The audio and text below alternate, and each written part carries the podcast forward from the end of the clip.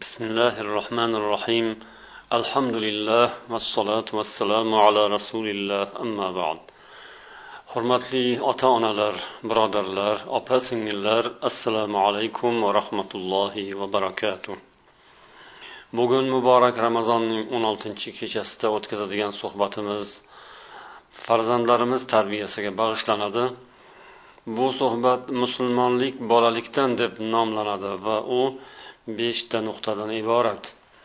Birinchi farzandlarga mehribonlik qanday bo'ladi? Ikkinchi balog'at yoshi shar'iy hukmlar joriy etilishining asosidir. Uchinchi nuqta balog'at davri qachon bo'ladi? To'rtinchisi balog'atga yetgach vojib bo'ladigan ishlar.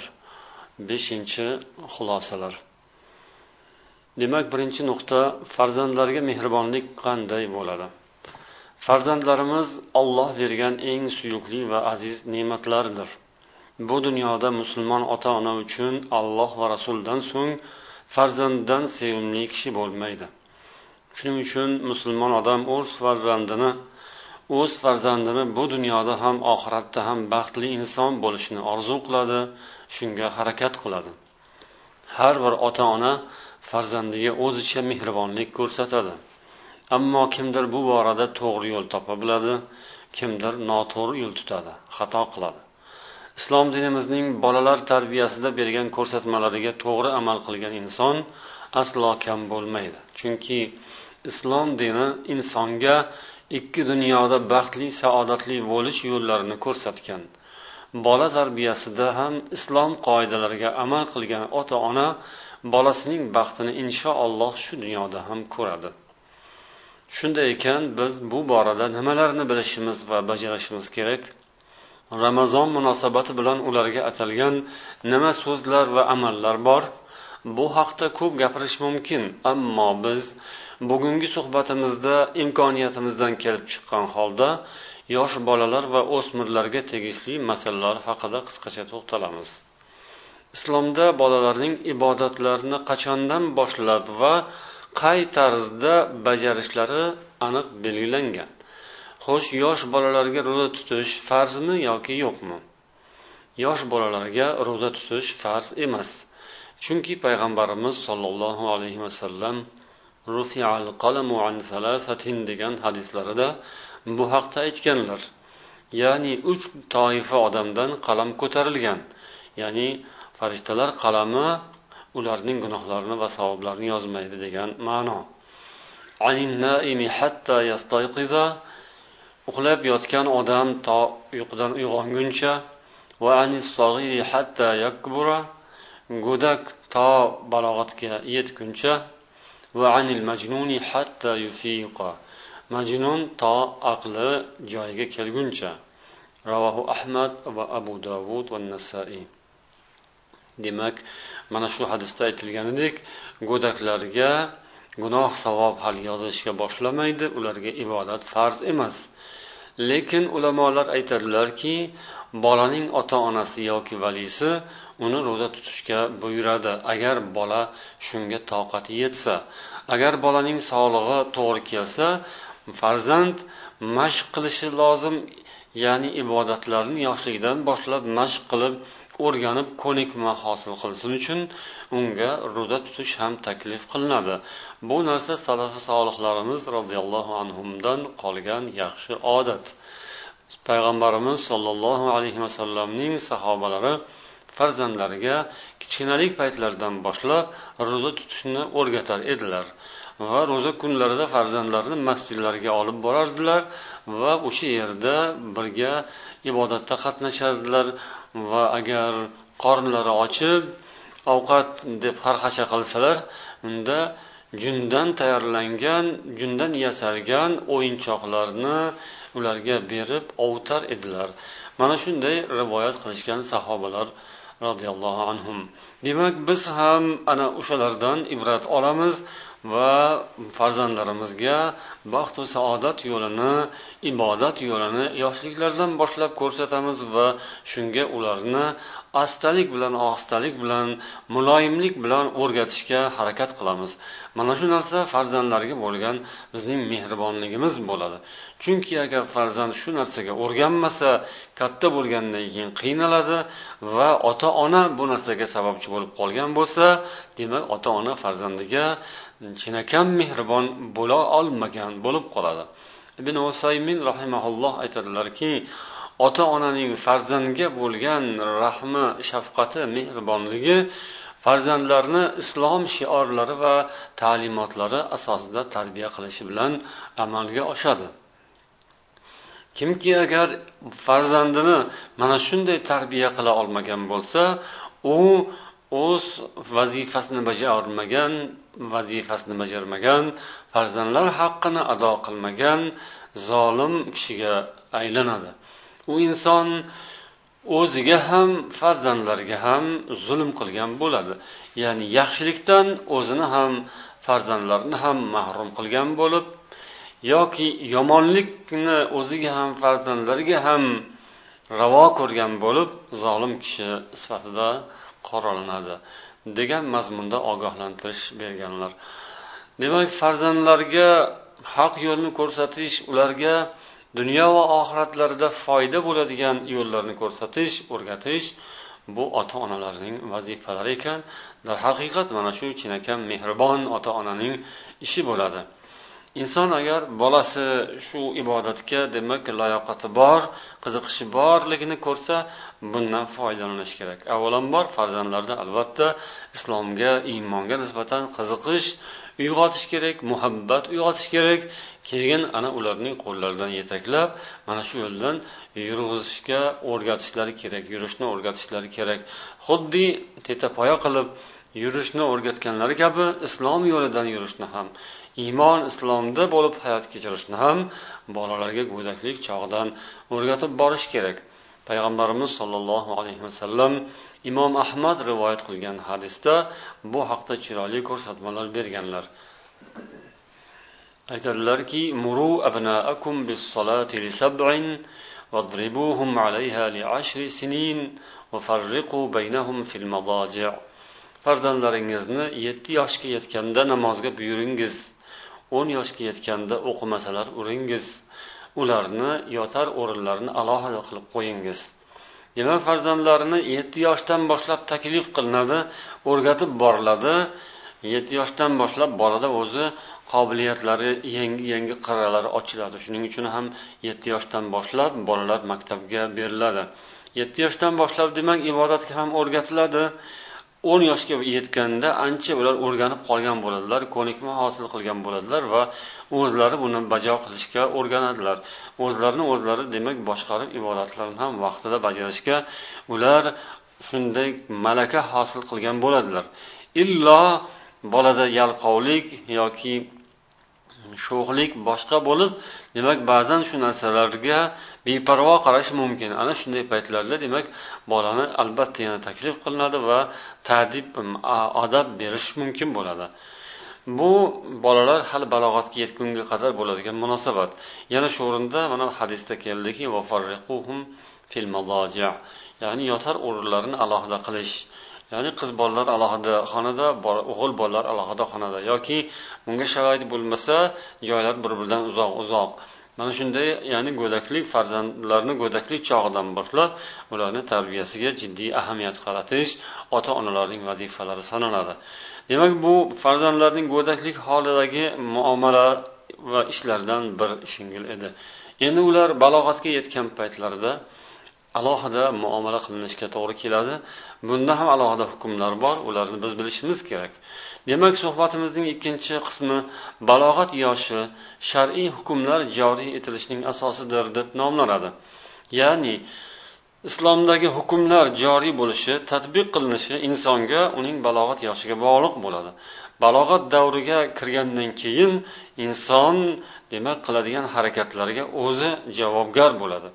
Ungacha ota onasi yoki valisi mm, javobgar bo'ladi.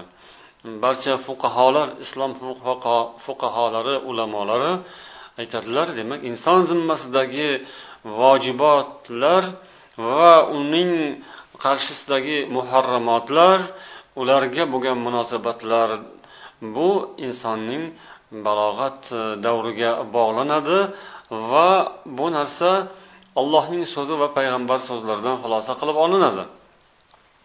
Ya'ni insonning zimmasida bir qancha vojibotlar farz amallar bor ya'ni burchlar bor ularni bajarish yoki inson qilishdan tiyilishi lozim bo'lgan harom ishlar hayotda uchraydi. Ana shularni ro'barasida o'zini qanday tutish kerak? Bu insonning shunday voyaga yetgan davrdan boshlanadi. ya'ni u jiddiy insonga aylanadi o'zining xatti harakatlariga javob beradi buning asosi alloh taoloning mana bu so'zidan أعوذ بالله من الشيطان الرجيم وإذا بلغ الأطفال منكم الحلم فليستأذنوا كما استأذن الذين من قبلهم كذلك يبين الله لكم آياته والله عليم حكيم agar sizlardan yosh bolalar balog'atga yetsalar bas ulardan avvalgilar ruxsat so'ragani kabi ruxsat so'rasinlar. Alloh mana shunday qilib sizlarga o'z oyatlarini bayon qilib beradi. Alloh alimdir hakimdir. Nur surasining ellik to'qqizinchi oyatida aytilgan so'zlar. Ya'ni farzandlar balog'at e, yoshiga yetganlaridan keyin ular e, ota onalarining xonalariga ruxsatsiz kirmaslari lozim. Ruxsat so'rab kirishlari kerak bo'ladi. Nafaqat ota onaning balki boshqalarning ham xonasiga yoki uyga ruxsat so'rab kirish vojib shart bo'ladi. Bu demak balog'at yoshiga bog'landi. Ya'ni minkum go'daklar sizlarning go'daklaringiz voyaga yetsalar deb olloh shuni qayd qildi. Yana ikkinchi bir misol. Bu ularning moli dunyo munosabatlariga taalluqli وابتلوا اليتامى حتى إذا بلغوا النكاح فإن آنستم منهم رشدا فادفعوا إليهم فادفعوا إليهم أموالهم yetimlarni sinab ko'ringiz agar ular nikoh yoshiga yetsalar hamda aqlu zakovatlarga ishonch hosil qilsangizlar bas mollarini o'zlariga topshiringlar Niso surasi oltinchi oyat. Bu oyatda ham alloh taolo ularni balog'at yoshini zikr qildi. Ya'ni nikoh yoshiga yetsalar dedi. Va shu bilan bir qatorda agar aqlu zakovatlari yaxshi bo'lgan bo'lsa demak aqlli esli hushli bo'lsalar ularning o'zlariga atalgan mollari bo'lsa qo'llariga topshiringiz dedi. Demak balog'at yoshiga yetgandan keyin molini ham o'zi tasarruf qilish huquqiga ega bo'ladi. Agar u yetim bo'lsayu uning nomiga otasidan yo kimdandir meros qolgan bo'lsa u meros mulki to bola balog'atga yetgunga qadar o'sha bolaning vasiylariga valiylariga beriladi. Ular saqlab turadilar. Bola balog'at yoshiga yetgandan keyin va yana buning ustiga qo'shimcha bolaning aqli hushi yaxshi o'zi tutib olgan bo'lsa ya'ni uning qo'liga pul berilsa har xil behuda narsalarga sarflab e, noto'g'ri yo'llarga kirib ketish xavfi bo'lmasa demak uning qo'liga topshiriladi. Bu yerda ham nikoh yoshi zikr qilindi ya'ni balog'at yoshiga bu narsa bog'landi. Endi balog'at yoshi qachon boshlanadi? Uchinchi nuqta. Balog'at yoshi ulamolarimiz oyat va hadislardan xulosa qilib aytadilarki uch xil alomat bilan aniqlanadi. Ya'ni insonning balog'atga yetganligi voyaga yetganligi uch xil alomatdan biri bilan aniqlanadi. Birinchisi o'g'il bolalar uchun mani suvining kelishi ya'ni shahvat paydo bo'lib mani suvi kelishi bu balog'at e, alomati bo'ladi. Ya'ni uyqusida ixtilom bo'lishi balog'atga alomat. Ya'ni bunda inson g'usul qilishi vojib bo'ladi demak e, u voyaga yetgan hisob bo'ladi. Payg'ambarimiz sollallohu alayhi vasallam g'uslul jumuati vajibun ala kulli muhtalim deganlar muttafaqun alayhi hadisda ya'ni har bir ixtilom bo'lgan inson zimmasida juma kuni g'usul qilish vojibdir deganlar.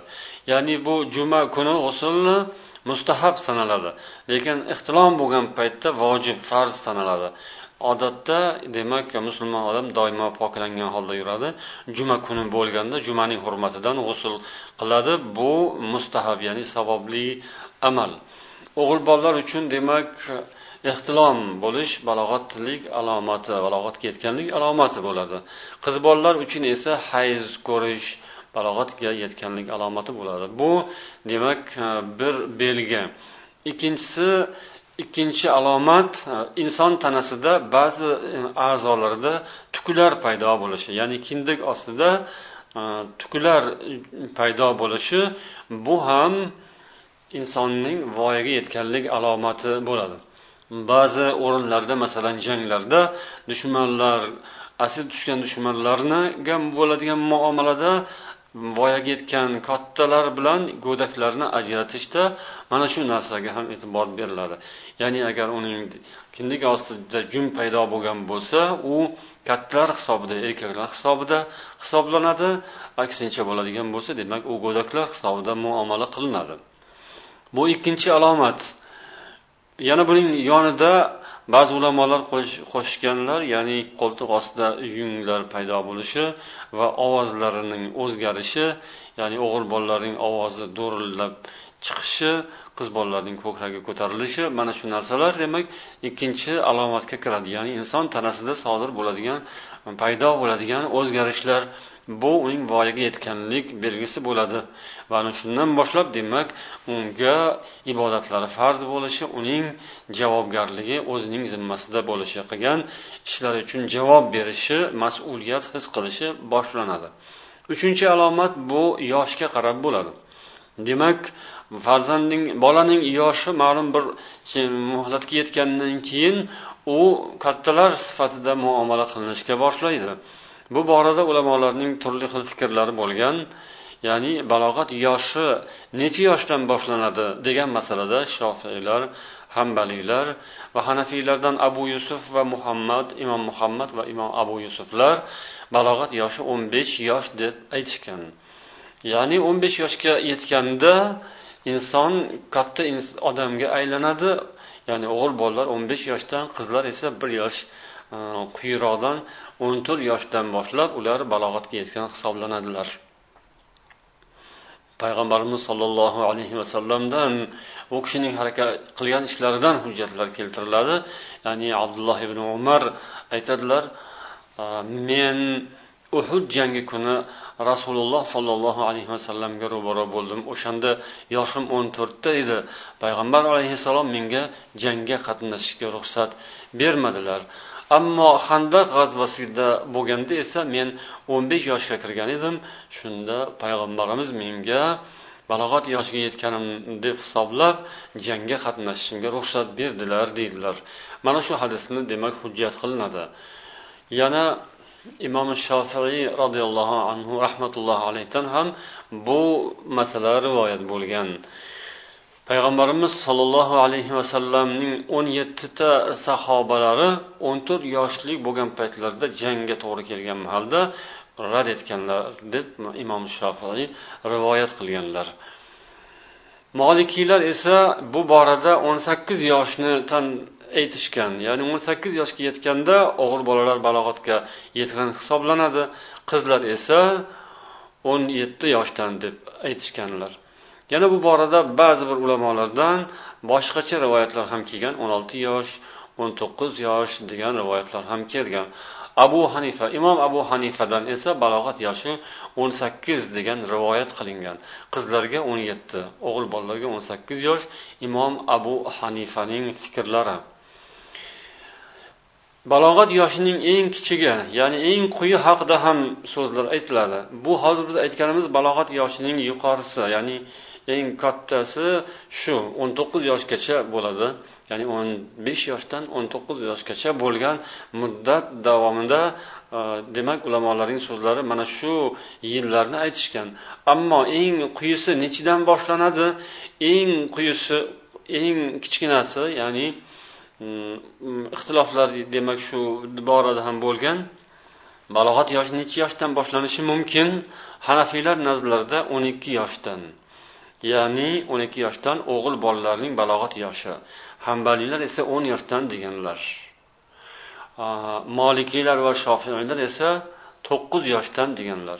Ya'ni o'g'il bolalar to'qqiz o'n o'n ikki. Bu balog'at yoshining quyi davri. Mana shu davrdan boshlanishi mumkin. Qaysidir bir bolalarda shunday sodir bo'lishi mumkin. Har xil joyda har xil bo'ladi. Bu haqida yana aytamiz. Demak bu o'g'il bolalarning balog'at yoshlari haqida eng quyisi. Qiz bolalarning balog'at yoshlari esa barcha ulamolar nazarlarida demak to'qqiz yosh deb Hmm, shu qarorga kelingan. Qizlar demak to'qqiz yoshdan hisoblanadi ularning e, voyaga yetgan davrlari. Demak mana shu aytilganlardan ma'lum bo'lyaptiki islomda olloh yoki rasul tomonlaridan balog'at yoshi qat'iy belgilab qo'yilmagan. Chunki balog'at yoshi turli iqlimlarda turlicha vaqtda sodir bo'ladi. Issiq mamlakatlar bilan mo'tadil mamlakatlar yoki iqlimi sovuq mamlakatlar xalqlari orasida farq bo'ladi. Bundan tashqari moddiy iqtisodiy holatlar ham insonlarning jismoniy rivojlanishlariga ta'sir ko'rsatadi. Demak balog'at davrini belgilashda yosh inson yoshi umumiy va zohiriy chegara sifatida e'tibor qilinadi. Ammo inson tanasida sodir bo'ladigan o'zgarishlar haqiqiy asos deb qaraladi. Yosh deganimizda yana shuni ham hisobga olishimiz aytib o'tishimiz kerakki demak yil bu yerda qamariy yillar hisob qilinadi. Hijriy qamariy yil bilan hisob qilinadi. Bu masalamizning uchinchisi bo'ldi. To'rtinchi nuqta balog'atga yetgach vojib bo'ladigan ishlar xususida. Demak inson voyaga yetgandan so'ng farzandlar voyaga yetganlaridan so'ng o'g'il bolalarga erkaklar ixtilom junub holatlari haqida tushuncha berishlari kerak. Qizlarga esa ayollar haj haqida ma'lumot berishadi. Bu holatlarda nima qilish lozimligini o'rgatishlari lozim. G'usul tartiblarini tushuntirishlari kerak. Namoz va ro'za masalasi qanday bo'ladi? Namoz inson ya'ni bola balog'atga yetgandan keyin namoz farz bo'ladi. O'sha kuni qaysi kunda demak inson balog'atga yetgan hisoblansa o'sha kundan boshlab demak namozlar farzga aylanadi namozlarni o'qilishi lozim. Agar o'qilmasa demak albatta u narsani e, o'qib berilishi lozim. Ya'ni qazo gunoh yoziladi. Ro'za ham shunday. Farzand voyaga yetgan kundan boshlab o'sha kundan boshlab demak ro'za farz bo'ladi. Albatta bolani yaxshi tarbiya qilayotgan musulmon oilalar bo'ladigan bo'lsa ular bolalari farzandlari balog'at yoshiga yetganda ham yetgan paytda o'zi ular ibodatlarni bajarayotgan bo'ladilar. Deylik qaysi bir kunda ramazonning qaysi bir kunida bir musulmonning farzandi balog'at yoshiga yetgan hisoblansa demak u o'sha kuni albatta inshaalloh ro'za bo'ladi. Va o'shaning ro'zasi ulamolar aytadilarki hisobga o'tadi o'sha kunning ro'zasini u tutgan bo'ladi. Va agar kunning o'rtasida u voyaga yetgan bo'lsa kunning birinchi qismi ro'zasi unga nafl bo'ladi ikkinchi qismi esa farz ro'zasi hisoblanadi unga albatta savob bo'ladi savob yoziladi. Agar inson balog'at yoshiga yetmasidan turib namozni o'qigan bo'lsayu o'sha namoz vaqtida voyaga yetsa deydilar ulamolar ana shu namozni qaytadan o'qiydi. Chunki avval o'qigani unga nafl hisobida edi endi hozir voyaga yetib katta odam sifatida demak qatorga qo'shilgani uchun uning namozi demak zimmasiga vojib va u namozini o'qish kerak. Avvalgisi nafl keyingisi demak farz bo'ladi. Yana shunday mol masalasida ham mol dunyo masalasida ham shunday.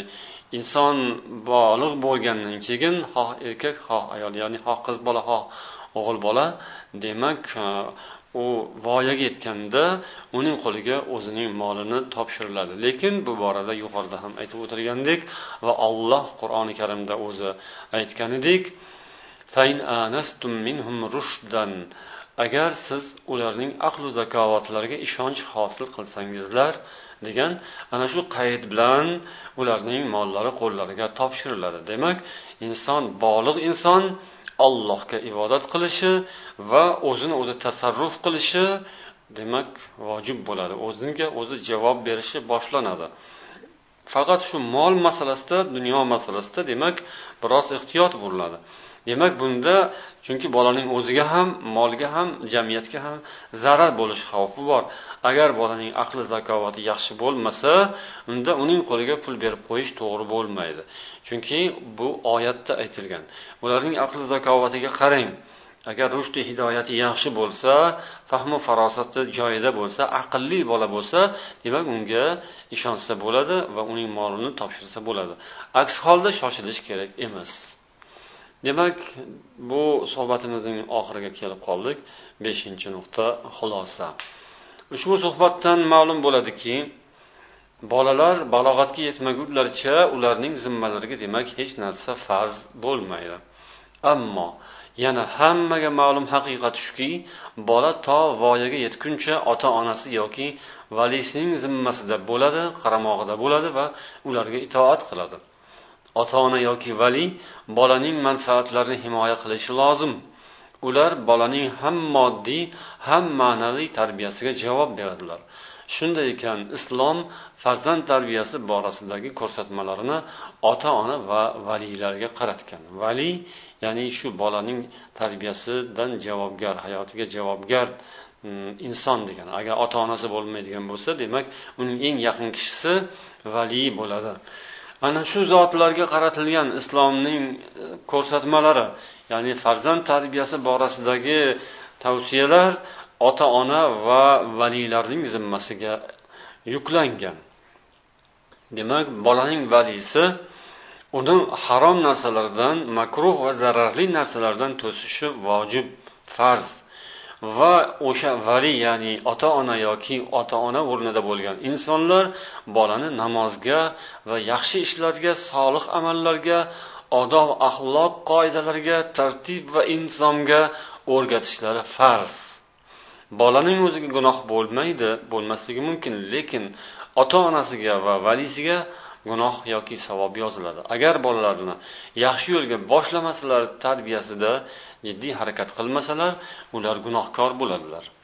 Payg'ambar alayhissalom yuqorida o'tgan hadisda muru abnaakum bis bolalaringizni yetti yoshga yetganda namozga buyuringiz. dedilar. O'n yoshga yetganda agar qilmasalar uringiz dedilar. Demak mana shu hadis asosida ulamolar boshqa ibodatlarga ham qiyoslashadi. Ya'ni bola yetti yoshga boshlagan kirganda unga boshqa ibodatlarni ham taklif qilinadi toqatiga qarab. Jumladan ro'za ham unga taklif qilinadi. Agar og'ir kelmasa bolaning sog'lig'iga ziyon yetkazmasa bola shunga demak e, munosib bo'lsa demak unga ro'za tutish taklif qilinadi.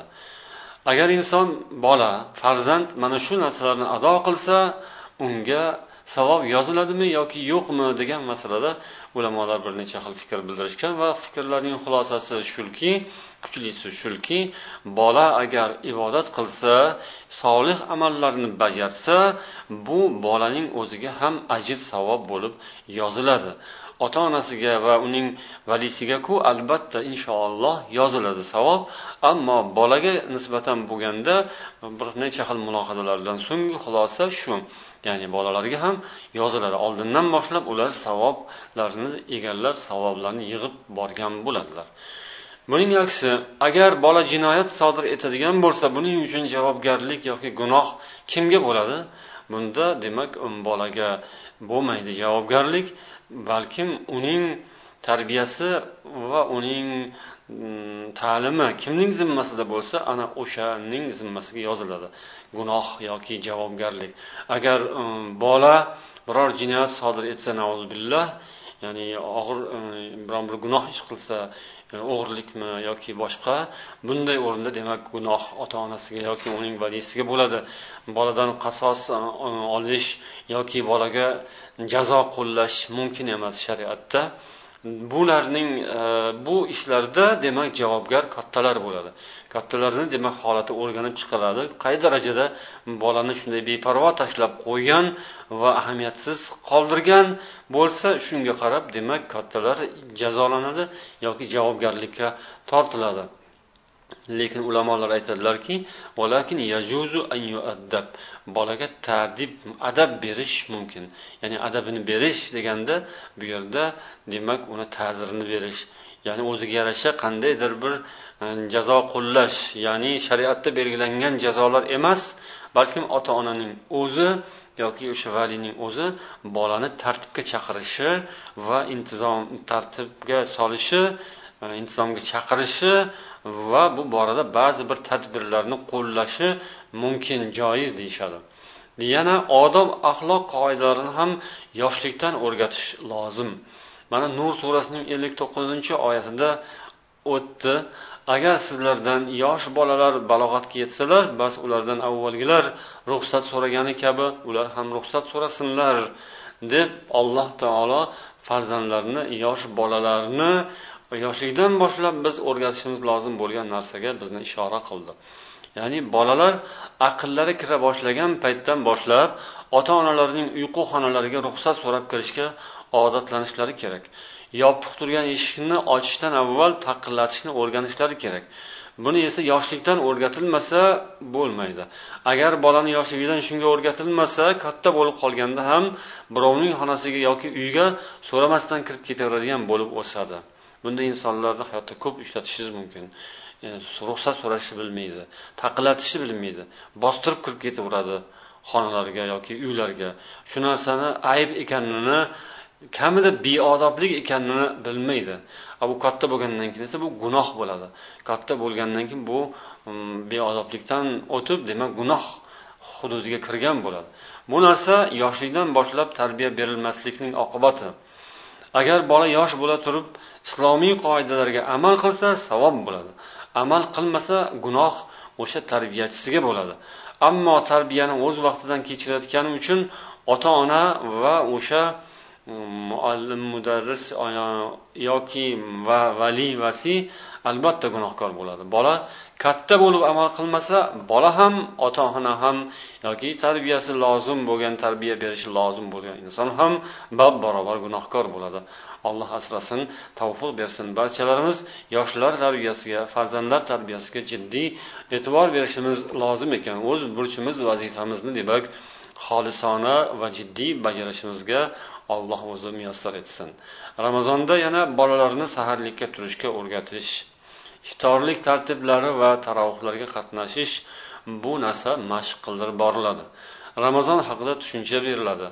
Mana shu oyda bolalar uchun alohida tadbirlar uyushtirish yaxshi natija bo'ladi. Yaxshilik e, inshaalloh bu ham yaxshi tadbirlar. Mana shunday narsalarni ota onalar va muallimlar mudarrislar murabbiylar tarbiyachilar o'zlaridan soqit qilishga haqlari yo'q. Bu narsalar haqida jiddiy va xolisona va ixlos e'tiqod bilan muhabbat bilan bolalarga mehru shafqat bilan amalga oshirishlari kerak. Payg'ambarimiz sollallohu alayhi vasallam yassiru va la tuassiru bashiru va la tunaffiru deb mana shu ota onalar va tarbiyachilarga chiroyli ko'rsatma berganlar. Ya'ni yengillashtiringiz qiyinlashtirmangiz. Qiziqtiringiz nafrat uyg'otmangiz deganlar. Demak bolalar tarbiyasi uchun ham boshqa insonlarning da'vatlari uchun ham bu juda kerakli tavsiya. Demak bolalarga ibodatlarni yoki vojibotlarni qildirayotganda taklif qilayotganda yengil qilib oson qilib ko'rsatish kerak va oson qilib qildirish kerak. Balkim ba'zan o'yin bilan ba'zan qiziqarli shakllarda qilib bolani o'rgatish kerak. Qiyinlashtirish mumkin emas yoki nafratlantirish mumkin emas. Agar ibodatdan yoki shu solih bir amaldan bolani nafratlantirib qo'yiladigan bo'lsa bunda gunoh ota onaga va o'sha insonga bo'ladi. Tarbiyani ta'limni chiroyli uslublar bilan olib borishni bilmaydigan bolalar bilan yaxshi muomala qilishni uddasidan chiqa olmaydigan no'noq odamlar gunohkor bo'lib qoladilar. Demak bu borada barcha hushyor bo'lish kerak. Farzandlarga go'daklarga chiroyli muomalada bo'lib ularni haq yo'lga chiroyli yo'llarga savob bo'ladigan ishlarga boshlashimiz kerak. Alloh barchamizga tavfiq bersin. Farzandlarimizni ham baxtu saodatli bo'lganlarini ko'rish baxtini hammamizga nasib etsin. سبحانك اللهم وبحمدك أشهد أن لا إله إلا أنت أستغفرك وأتوب إليك. والسلام عليكم ورحمة الله وبركاته.